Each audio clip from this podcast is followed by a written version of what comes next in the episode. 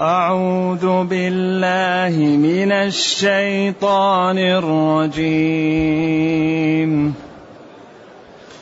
بسم الله الرحمن الرحيم. اقترب للناس حسابهم وهم في غفلة معرضون. ما يأتيهم من ذكر من ربهم محدث إلا استمعوه إلا استمعوه وهم يلعبون. لاهية قلوبهم وأسروا النجوى الذين ظلموا هل هذا إلا بشر مثلكم؟ هل هذا إلا بشر مثلكم؟ أفتأتون السحر؟ أفتأتون السحر وأنتم تبصرون قال ربي يعلم القول في السماء والأرض وهو السميع العليم بل قالوا اضغاث احلام بل افتراه بل هو شاعر بل افتراه بل هو شاعر فلياتنا بايه كما ارسل الاولون ما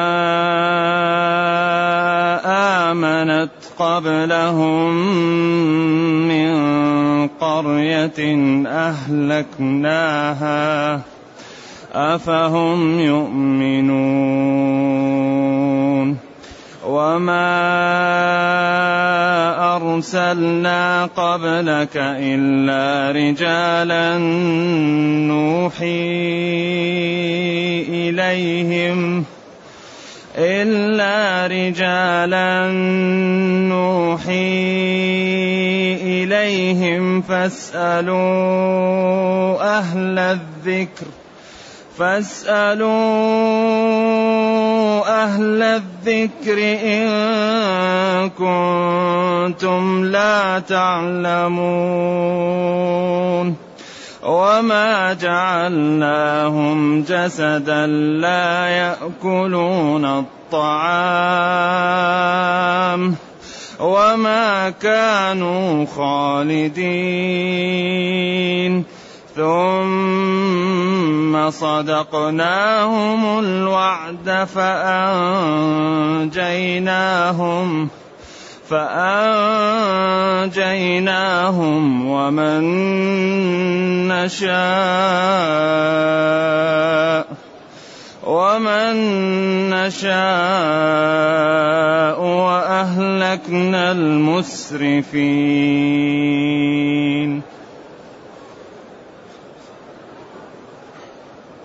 الحمد لله الذي أنزل إلينا أشمل الكتاب وأرسل إلينا أفضل الرسل. وجعلنا خير أمة أخرجت للناس. فله الحمد وله الشكر على هذه النعم العظيمة والآلاء الجسيمة. والصلاة والسلام على خير خلق الله وعلى آله وأصحابه ومن اهتدى بهداه. أما بعد فإن هذه السورة التي تسمى سورة الأنبياء من السور المكية باتفاق.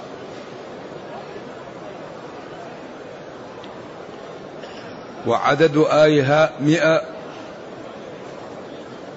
واثنتا عشرة آية أو مئة وإحدى عشرة على خلافه.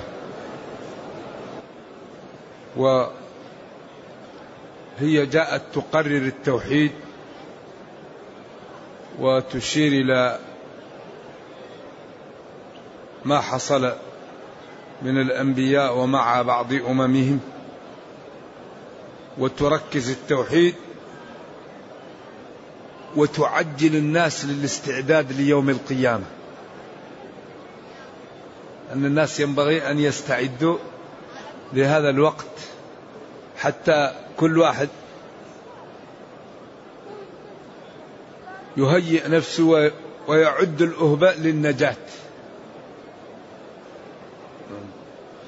وسبق أن قلنا إن المعاني التي تأتي في القرآن هي تدور وتتكرر مثل ما تتكرر الدوائر لمن رمى في الماء. من رمى حجرا في الماء يتخذ دائرة صغيرة ثم دائرة أكبر ثم دائرة أكبر. كذلك هذا القرآن هو مثل الدوائر. الله معبود بحق ومحمد صلى الله عليه وسلم مرسل من عند الله ووعد المصدق به الجنة وأوعد المكذب به النار. هذه الجمل الثلاثة تتخذ دوائر. أحيانا الكلام يضغط ويكون كلام قليل لكن مليء بالمعاني. أحيانا يكون الكلام متوسط. أحيانا يكون الكلام موسع.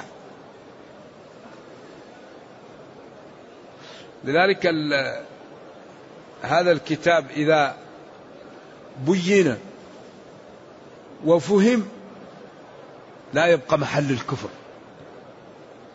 محل يفهم فيه القرآن ويقرأ لا يبقى فيه كفر. لأن هذا الكتاب نور والنور لا يبقى معه الظلام. أيوة نور وأنزلنا إليكم نورا مبينا. أين يبقى الظلام مع النور؟ إذا لا سبيل لبقاء الظلمة إلا بإطفاء النور. فإذا جاء النور وأوقد النور وشغل الظلام يتبدد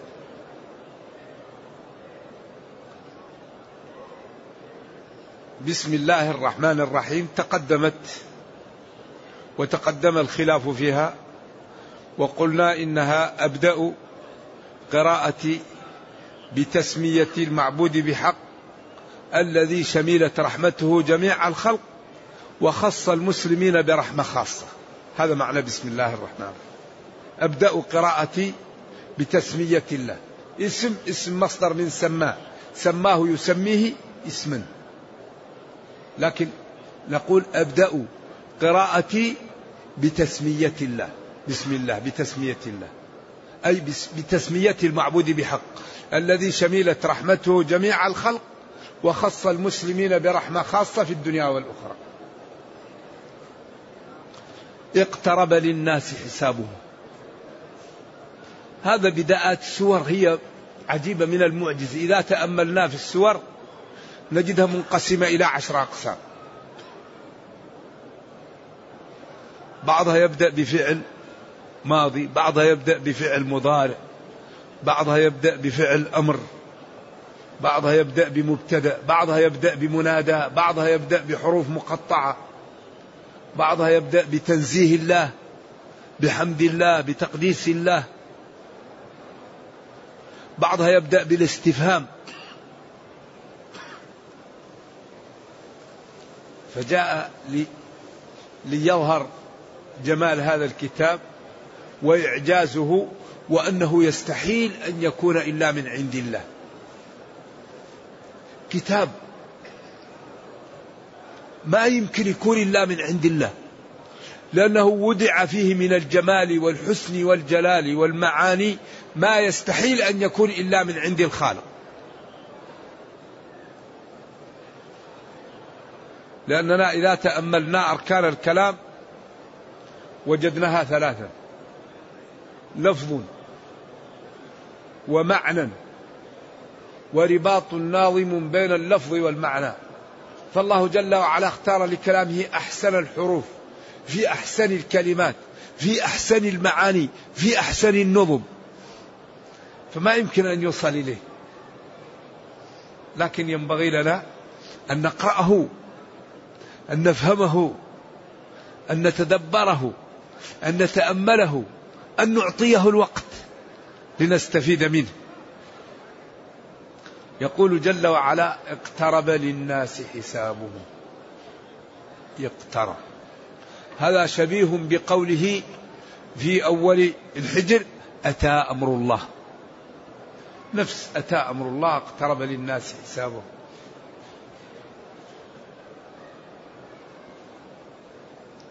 وذلك إما لأن كل ما هو آت قريب كل ما هو آت آت قريب. أو لأن ما فات من الدنيا أكثر مما بقي. أتى أمر الله لأن كل آتي قريب. كل شيء ماشي إليه سينتهي أو لأن الدنيا أغلبها انتهى كما قال صلى الله عليه وسلم بعثت أنا والساعة كهاتين. نبي آخر الزمان.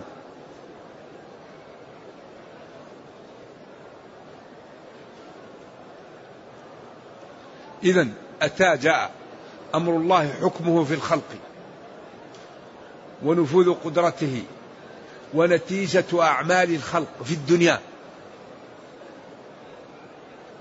لأن الناس الآن أمورها في خفاء. ترى الإنسان لكن ما تدري حقيقته. لكن يوم القيامة كل شيء يتجلى. لذلك العقل ينتبه حتى لا يفتضح أمام الناس. يكون يكون صادق حتى يوم القيامة لا يفتضح. أما الذي يبطن ما لا يظهر هذا ما يصلح إلا مع الناس. أما مع الله ما يصلح إلا الصدق. لذلك هذا الدين لا يقبل إلا لا يقبل إلا واحد يكون من أهل الدين أو واحد ليس من أهل الدين. ما فيه مع الإسلام أنصاف حلول. يقول أنا أكون ربع مسلم أو خمس مسلم. لا فيه مسلم وكافر. ولذلك الدين لا يقبل. فريق في الجنة يوم تبيض وجوه للذين أحسنوا الحسنى والزيادة ولا يرهق وجوههم قتر ولا ذلة. أولئك أصحاب الجنة هم فيها خالدون.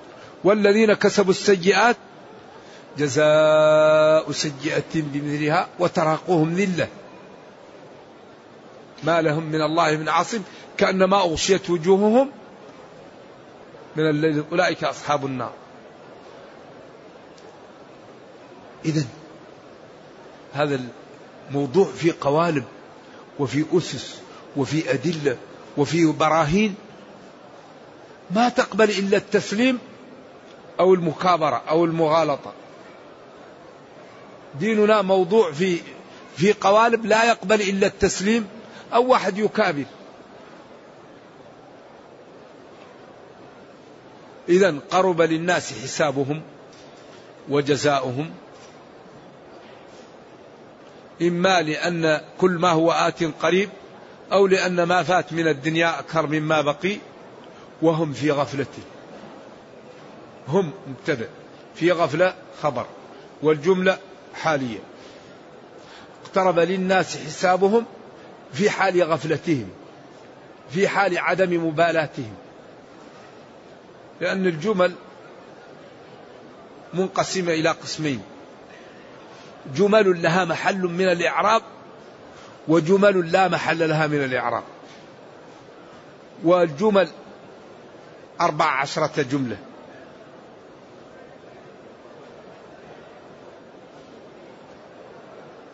فالذي له محل من الإعراب هو الذي يمكن أن يؤول بجملة بمفرد.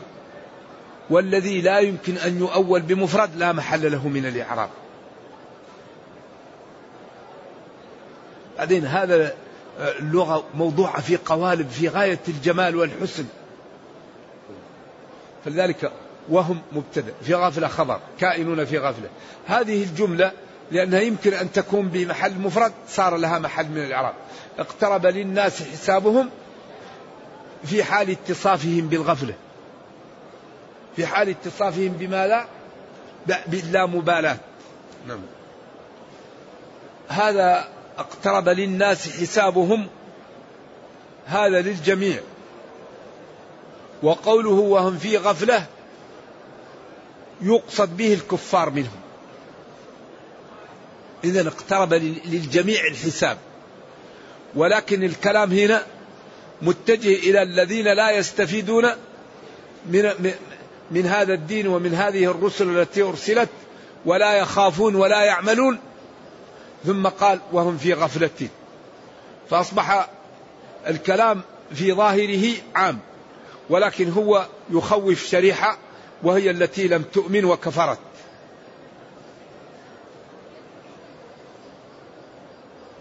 والغفلة هو أن يكون الإنسان لا يبالي. عنده اختبار لا يذاكر. عنده سفر لا يعد العدة. غافل. يدخل في صلاته وهو خارج عن الصلاة في دنيا أو في غيرها.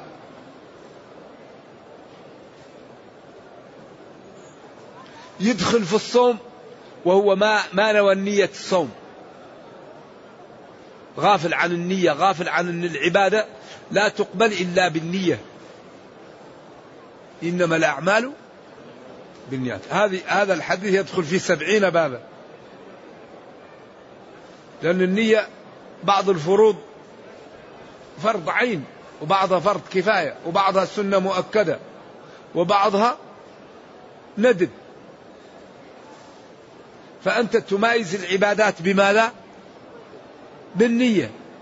فإذا كان الإنسان غافل تكون النية غير موجودة. فإذا كانت غير موجودة بعض العبادات يفسد وبعضها ينقص أجره.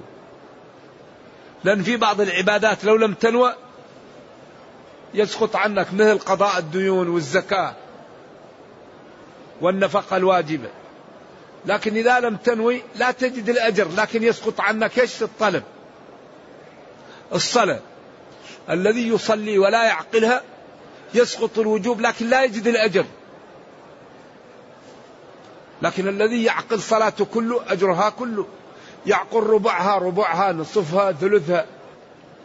إذا تعلم الدين له معاني.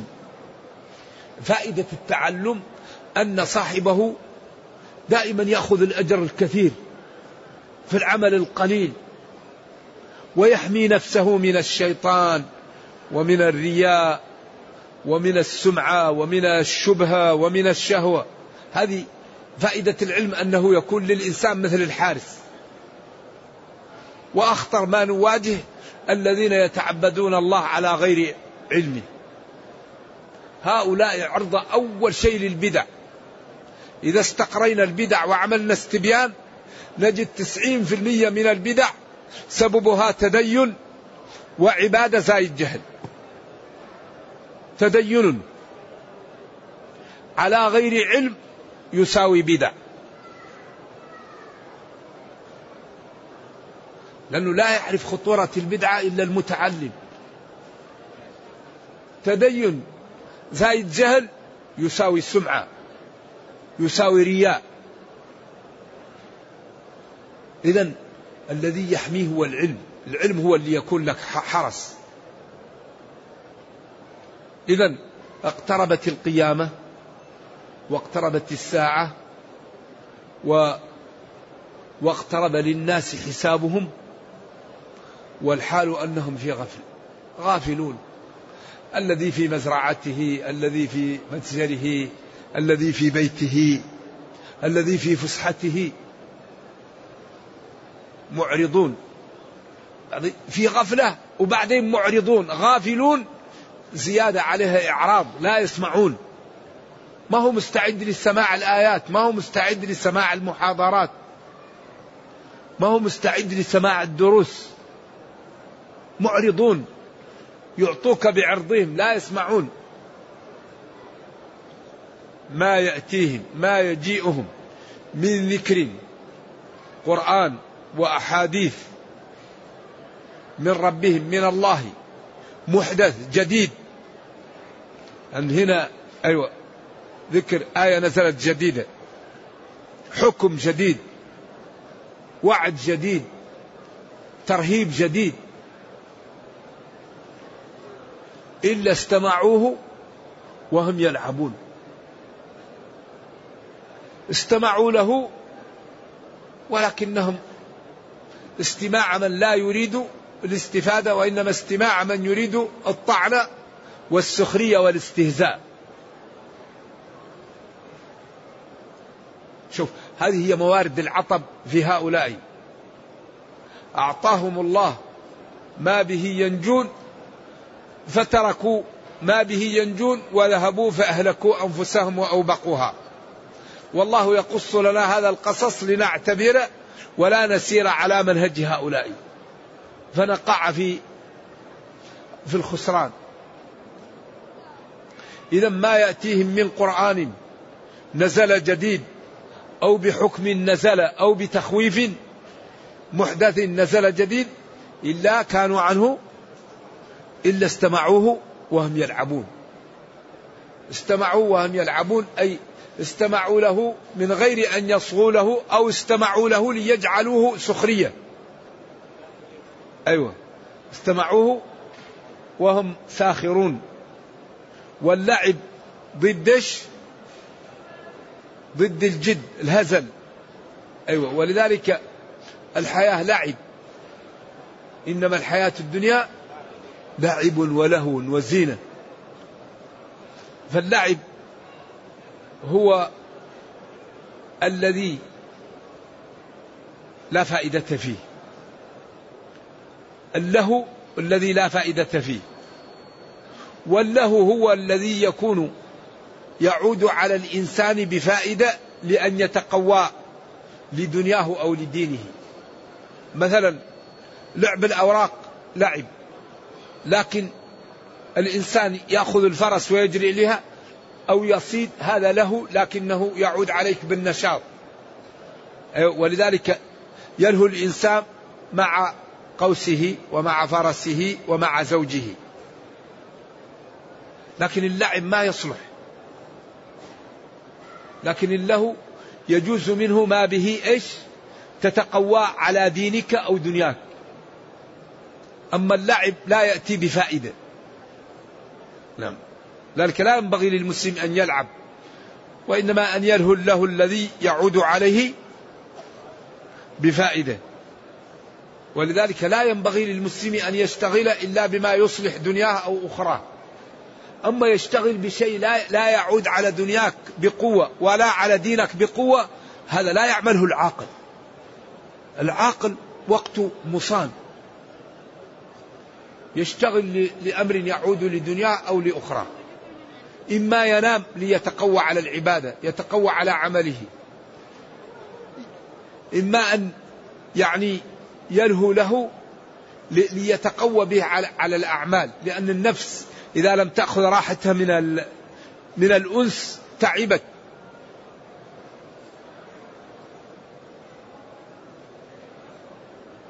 لاهية قلوبهم لاهية قلوبهم. وهم في غفلة معرضون لاهية قلوبهم. أيوة، وهم وهم يلعبون لاهية قلوبهم. يلعبون معرضون لاهية قلوبهم. كل هذه التعابير تدل على إيش؟ على اللامبالاة على عدم الاهتمام على عدم الجد على عدم الخوف.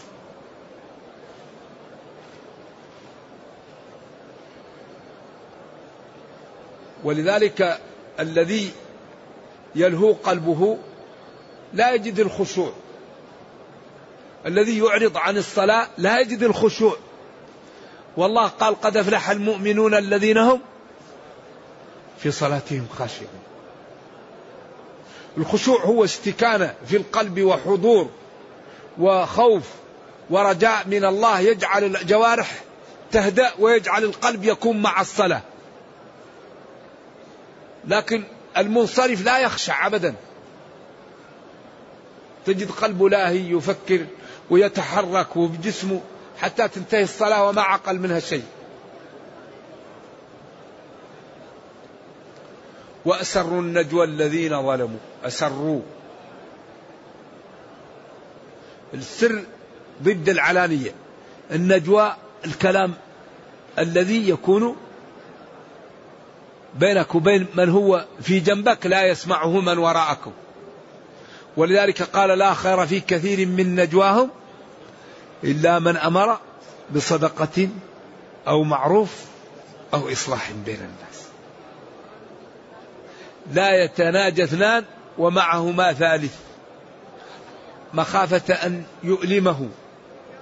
إما لا يحبونه أو يبعدونه أو يريدون به شرا حتى يأتوا للناس. دين رائع جميل. إذا أسروا هؤلاء الكلام بينهم. النجوى الذين ظلموا. سروا النجوى الذين ظلموا. هل هذا إلا بشر مثلكم؟ الذين إعرابها يحتاج تأمل وهل هذا إلا بشر مثلكم؟ أقوال للعلماء العربية. قيل هل هذا إلا بشر مثلكم؟ هو نفس النجوى بدل من النجوى. أسروا قولهم هل هذا إلا بشر مثلكم؟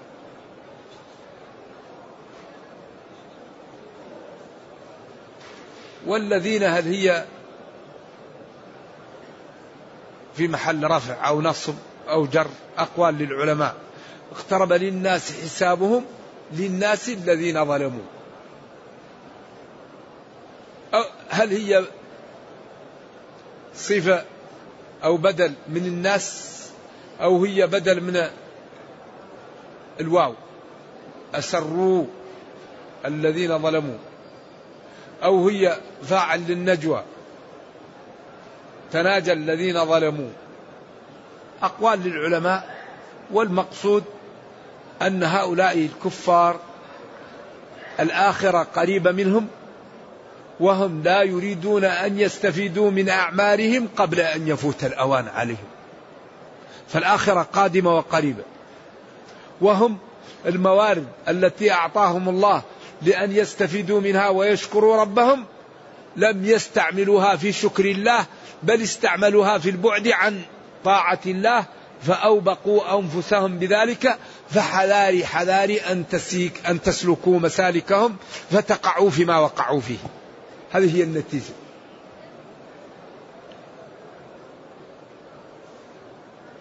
إذا هل هذا إلا بشر مثلكم؟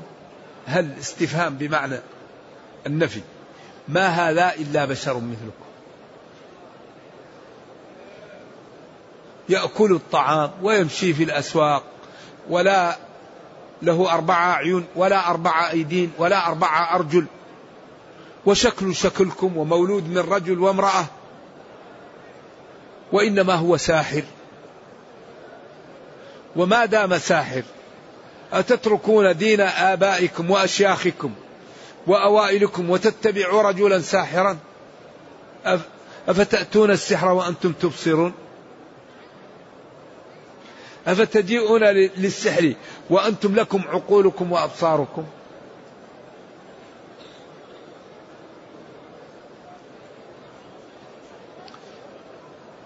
إذا هذا قولهم ولكن الله رد عليهم ردا مقنعا مفحما بأدلة كثيرة متنوعة متعددة. وطواها هنا بقوله قل ربي يعلم القول في السماء والأرض. أيوة قرأ قل قراء المدينة ومكة والشام والبصرة وبعض قراء الكوفة.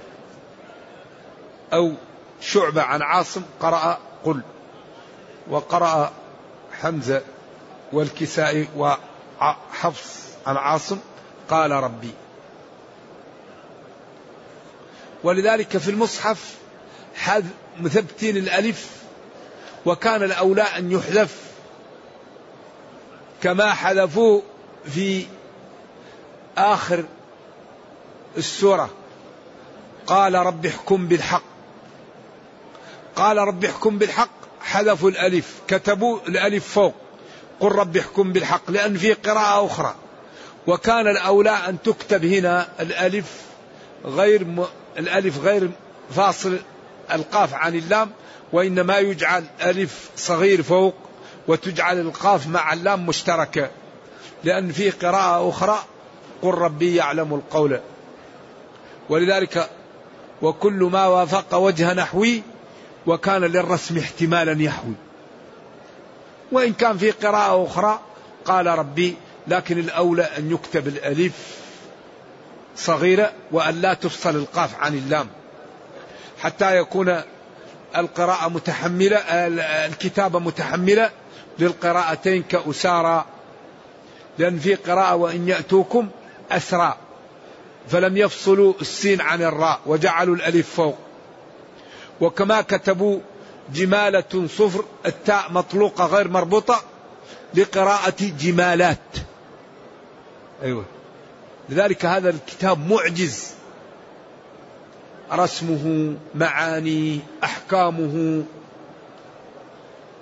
معجز كتابنا كتاب معجز. رسمه رسمه متميز.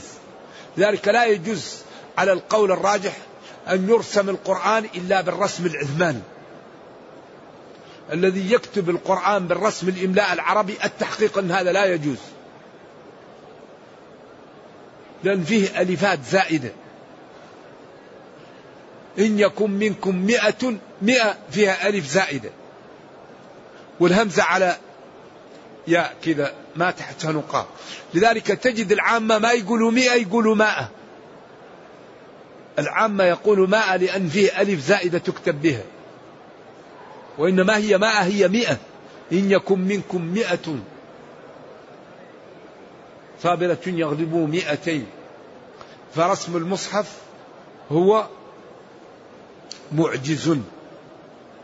فلا ينبغي أن يكتب إلا بالرسم العثماني الذي كتبت به المصاحف الأولى الإمام وأرسلها للأمصار لأن هذا الرسم معجز ويتحمل القراءات الموجودة في الغالب. نعم.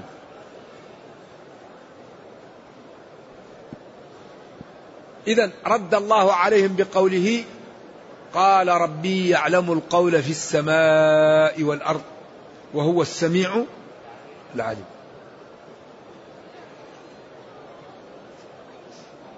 ربي هو القادر. ربي هو الذي أنزل هذا الكتاب وأرسل النبي صلى الله عليه وسلم وجعله معجزا.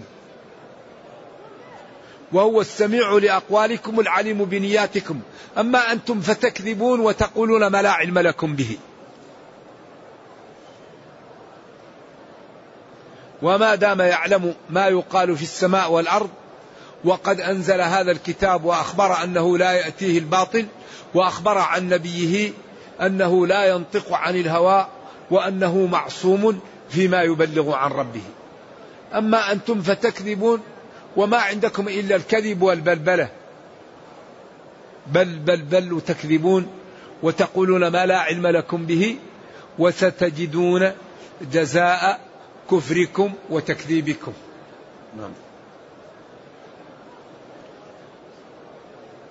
وهو السميع العليم السميع لأقوالكم العليم بنياتكم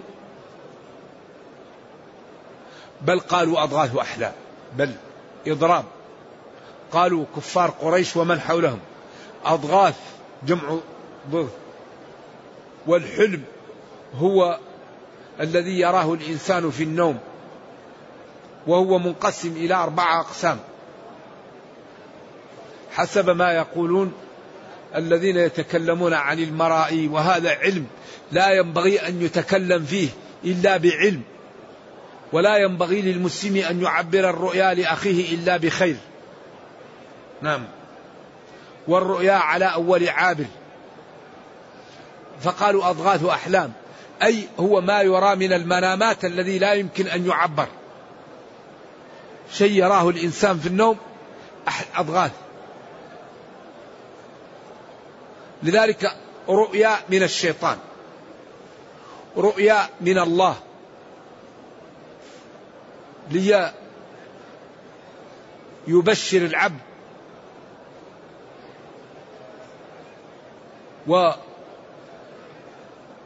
وينبهه ليستعد لأمور الدنيا والآخرة. ورؤيا لما يكون الإنسان يشتغل به في الدنيا. يكون كان يشتغل في شيء فإذا نام يراه. أو يكون يحتاج لشيء فإذا نام يراه يكون عطش فإذا نام يجد البحر. يكون يخاف فإذا نام يجد الأسد. فهذه ولذلك هي جزء من جزء من أربعين جزء من النبوة ولذلك لا يتكلم فيها إلا بالخير. وفي بعض الناس فتح عليه في تعبير المرائي ولكن لا ينبغي أن يحكيها الإنسان إلا على صاحب دين أو من يحبه حتى لا يؤولها له تأويل غير طيب وهي على أول عابر. نعم. إذا قالوا أضغاث أحلام. هذه أمور أحلام الذي تأتي للإنسان أخلاط وتشويشات ولا يمكن أن تعبر. بل افتراه بل إيش؟ بل كذب بهذا واختلقه بل هو شاعر. هذا شعر. إذا هذه هي البلبلة. ساحر أضغاث أحلام بل افتراه بل هو شاعر. أربعة. طيب أيها؟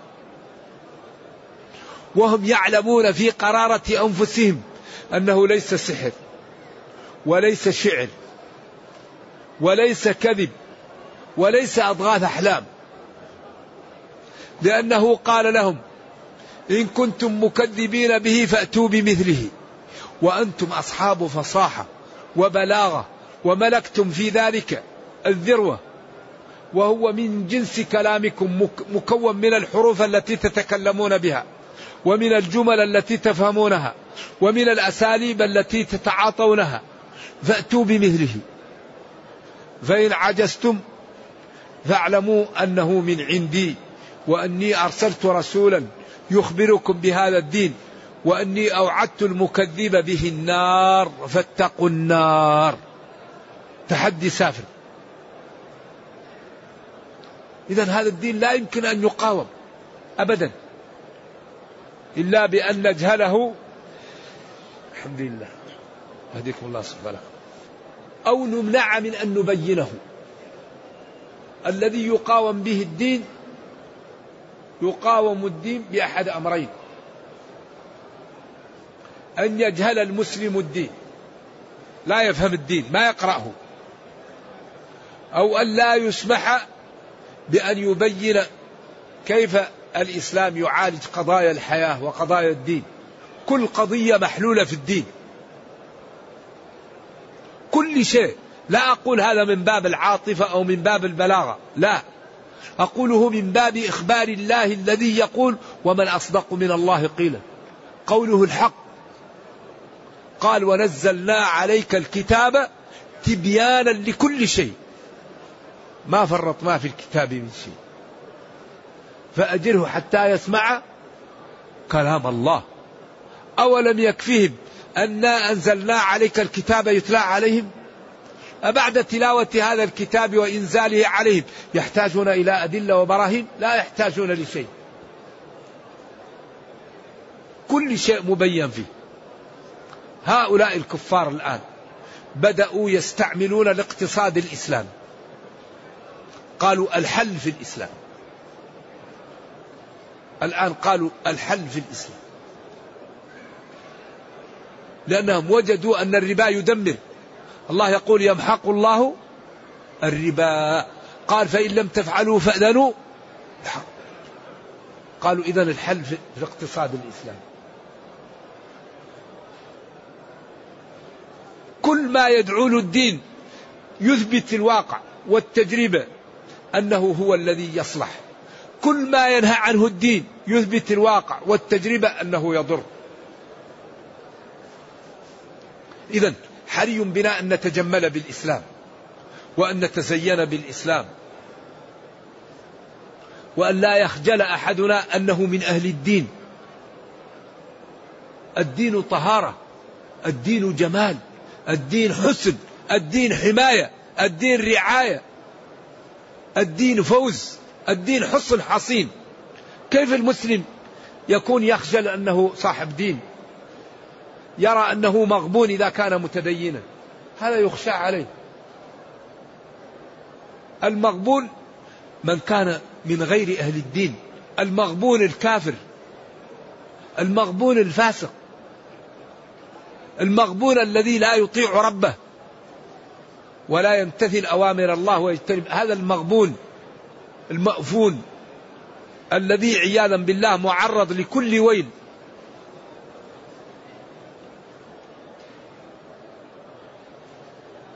إذا لما بين لهم بدأوا يلخبطون. أضغاث أحلام بل افترى بل هو شاعر.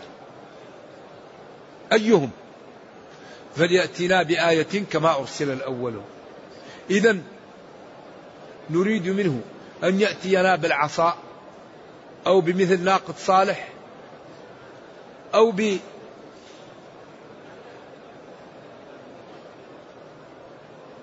فليأتنا بحجة وبرهان على ما يأتي به. وما علموا أن أكبر حجة هي القرآن. لكنهم تغافلوا. لذلك هم أصحاب الفصاحة هم أصحاب البلاغة. ولذلك القرآن نقلة نقلة القرآن لما جاء نقلة لأن أجمل ما كان عندهم نزول القرآن ما هو؟ المعلقات الشعر المعلقات كلها كلام في غاية التفاهة. ذكر أحبة وديار وأثافي ورمم ومنازل دارسة وأمور في غاية التفاهة كلها تدور حول هذا.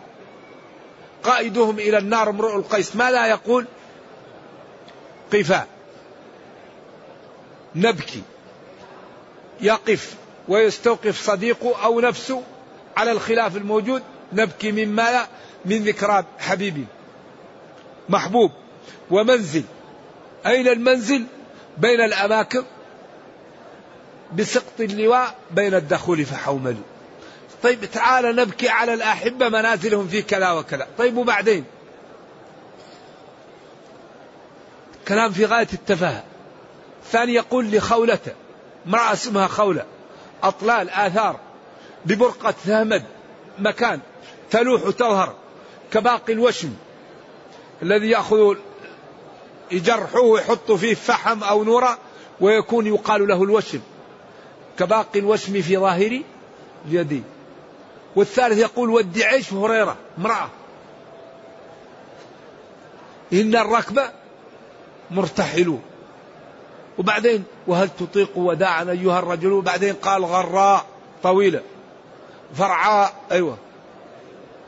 يعني مصقولة طويلة. بعدين ثقيلة. أما القرآن أول شيء فيه الحمد لله رب العالمين الثناء بالجميل للمعبود بحق مربي هذا الكون. إذا وضع القرآن نقلة يا أحبة نقلة نقلة. نقلة ما هو هذا الكتاب معجز.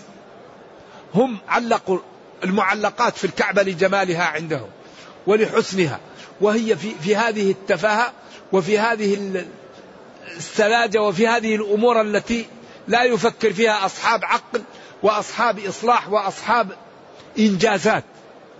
لكن أول شيء في القرآن الثناء بالجميل للمعبود بحق الذي أوجد هذا الكون ورباه. الحمد لله رب العالمين. الثناء بالجميل للمعبود بحق الذي أوجد هذا الكون ورباه. إذا نقل هذا الكتاب. إذا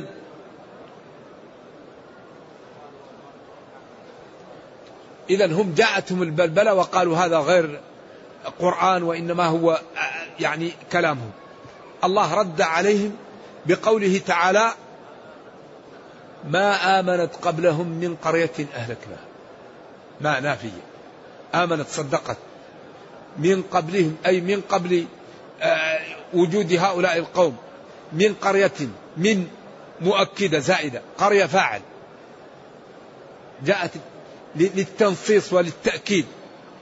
ما آمنت قرية من قبلهم أرسلنا لها الرسل وأردنا إهلاكها فإنها لم تؤمن وكذبت وأنتم لو جئناكم بما طلبتم لكذبتم وهلكتم كما هلكوا. إذا نحن لم نأتيكم بهذه الآيات وبهذه المعجزات رحمة منا بكم وانتظارا لأن يوجد من أصلابكم من يعبد ربه. ما آمنت قبلهم من قرية أهلكناها القرية القرى التي أردنا إهلاكها لما جئناها بما طلبوا أهلكوا ولم يؤمنوا. وهم مثلهم في الكفر فلو جئناهم بما طلبوا كفروا فأهلكوا. إذا لا فائدة لكم في ذلك ولا صلاح لكم في أن يأتيكم. ما أمنت؟ قبلهم قبل هؤلاء. من قرية أهلكنا. قوم لوط. كذبوا. قوم صالح قالوا الناقة. عقرها قدار. فجاءهم الهلاك. فرعون أخذ السحرة وأراد أن يوقع بهم فأغرقه الله. وهكذا. أفهم يؤمنون؟ إذا أولئك لم يؤمنوا. أفهم يؤمنون؟ لا يؤمنون. ولذلك قال وآتينا ثمود الناقة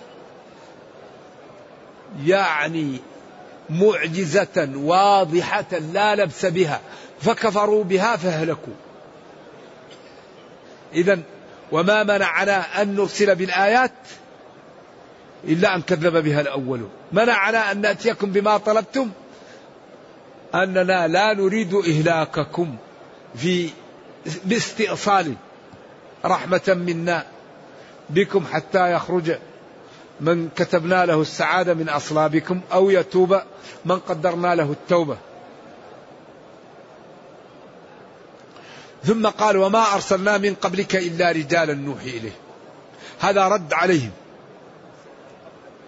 وما أرسلنا قبلك يا محمد صلى الله عليه وسلم إلا رجالا. لم نرسل ملائكة. ولم نرسل جان. لا رجال. وقالوا لا توجد نبيه. الأنبياء دائما رجال. ما في نبي أبدا إلا رجالا. ولا ترسل الرسل من البوادي من أهل القرى. إذا الرسل لا بد أن تكون ذكورا رجالا. ولا بد أن تكون من أهل المدن ولا بد أن يكون الرسول من بيت معروف. أيوة حتى لا يكون سببا في الطعن عليه. لا ترسل الرسل من حواشي الناس. لا بد أن يكون بيت النبوة معروف وسلالة معروف وله حسب وله أجداد تعرف. حتى لا يقال من هذا الذي أرسل إليكم. لا يقال ابن النجار أو ابن الخباز أو ابن الجزار. وإن كانت الصناعة لا تضر لكن عند العرب أيوة. لابد أن يكون بيت معروف.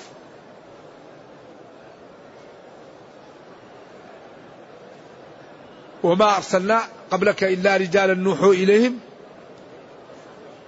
فاسألوا أهل الذكر إن كنتم لا تعلمون. فاسألوا أهل التوراة والإنجيل ممن هو ثقة كعبد الله بن سلام. أو ممن آمن. وبعدين وما جعلناهم جسدا. ما جعلنا الرسل جسدا لا يأكلون الطعام. يعني جعلناهم جسدا من غير أن يأكلوا الطعام. لا جعلناهم جسدا يأكلون الطعام. يعني يحتاجون إلى الأكل وإلى الشرب وإلى النوم وإلى الحدث. كما قال وأمه صديقة كانا يأكلان الطعام.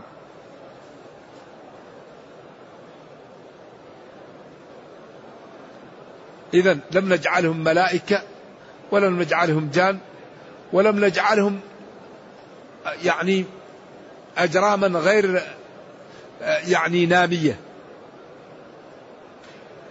وما كانوا خالدين. جعلناهم يموتون ويتغيرون ويمرضون. ثم صدقناهم الوعد. فأنجيناهم ومن نشاء وأهلكنا. المسرفين. ثم بعد أن أرسلناهم ثبتناهم وصدقناهم وعدنا بأن العاقبة للرسل. أي رسول يؤمر بالقتال لا بد أن يغلب. وإن جندنا لهم الغالبون. وإذا استقام المسلمون على الدين لا بد أن يهزموا أعداءهم. أبدا. لكن قد يقتل الرسل في في غير وقت المعركة غيلة كما قتل زكريا ويحيى. نعم. أما إذا أمر الرسول بالقتال فلا بد أن يغلب. لأنه قال وإن جندنا وقال فيقتل أو يغلب. فجعل القتل قسيم الغلبة. وهو قال وإن جندنا فإذا لا يقتلون. ولذلك قاتل معه ربيون قتل معه. فهذا أعم. ومن أراد الاستزادة فلينظر إلى أضواء البيان في الجزء الأول. فإن فيه بحث نفيس ورد على من قال أن الرسل تهزم. يكون الحرب سجال لكن العاقبة لمن؟ للرسل وأتباع الرسل. ولذلك أكرر دائما المسلمون ينتصرون بركنين. فإذا قمنا بالركنين ينصرنا ربنا. وإذا لم نقم بالركنين لا ننتصر الركن الأول الإعداد الحسي الركن الثاني الإعداد المعنوي. فإذا قام المسلمون بالركنين الله ينصرهم. الدليل ما هو؟ وقعة الأحزاب. أكبر دليل على الركنين غزوة الأحزاب الخندق. جاءت قريش وغطفان وهوازن والأحابيش وجاءوا من فوق المدينة ومن أسفلها حتى وصف الله الموقف وقال جاءوكم من فوقكم ومن أسفل منكم وإزاغة الأبصار قاموا بالركن المادي وهو حفر الخندق وقاموا بالركن المعنوي وهو قولهم هذا ما وعدنا الله ورسوله وصدق الله ورسوله وما زادهم إلا إيمانا وتسليما. إيمانا وتسليما. عند ذلك أرسل الله جنده على الأحزاب وهزمهم وامتن على المسلمين. فأرسل الرياح والملائكة فهزموا الأحزاب. فأصبحوا كل ما نصبوا خيمة نسفتها الرياح. كل ما نصبوا قدر نسفته الرياح. كل ما عقلوا جمل نسفته الرياح. وجاءت الملائكة وبثت في قلوبهم الرعب والخوف وخرجوا مهزومين وامتن الله على المسلمين وقال يا أيها الذين آمنوا اذكروا نعمة الله عليكم إذ جاءتكم جنود جنود كثيرة. فأرسلنا عليهم ريحا وجنودا لم تروا إذا من ينصر بالملائكة والرياح ينبغي أن تكون العلاقة معه على ما شرع. إذا نحن لو استقمنا الله يدمر أعداءنا. كيف يدمرهم؟ الله أعلم. بس نقوم. أوفوا بعهدي أوفي بعهدكم. إن الله لا يغير ما بقوم. إذا نحن في حاجة ماسة. إلى إيجاد برامج لنفهم العالم جمال هذا الدين وحسنه وأن الحل فيه. نحن الأمة المسلمة في حاجة ماسة إلى برامج جادة مع العالم. كيف نفهمهم هذا الكتاب؟ كيف نبين لهم الإنقاذ به؟ إنقاذ الاقتصاد إنقاذ الإدارة إنقاذ العلاقات إنقاذ المرضى إنقاذ من الفقر إنقاذ من الضعف. كل مشكلة يعالجها القرآن. فحي بنا فحي بنا على أن نجعل هذا الكتاب هو دستورنا في حياتنا ولا نتحرك إلا به ولا نقف إلا به ولا نعمل شيء إلا على ضوئه. فإننا إن فعلنا ذلك سعدنا في دنيانا ورحمنا في أخرانا وأصبحنا أقوى أمة كما أخبر ربنا عنا. نرجو الله جل وعلا أن يرينا الحق حقا ويرزقنا اتباعه وأن يرينا الباطل باطلا ويرزقنا اجتنابه وأن لا يجعل الأمر ملتبسا علينا فنضل. اللهم ربنا أتنا في الدنيا حسنة وفي الآخرة حسنة وقنا عذاب النار. اللهم أصلح لنا ديننا الذي هو عصمة أمرنا وأصلح لنا دنيانا التي فيها معاشنا وأصلح لنا آخرتنا التي إليها معادنا. واجعل الحياة زيادة لنا في كل خير والموت راحة لنا من كل شر. سبحان ربك رب العزة عما يصفون وسلام على المرسلين. والحمد لله رب العالمين والسلام عليكم ورحمة الله وبركاته.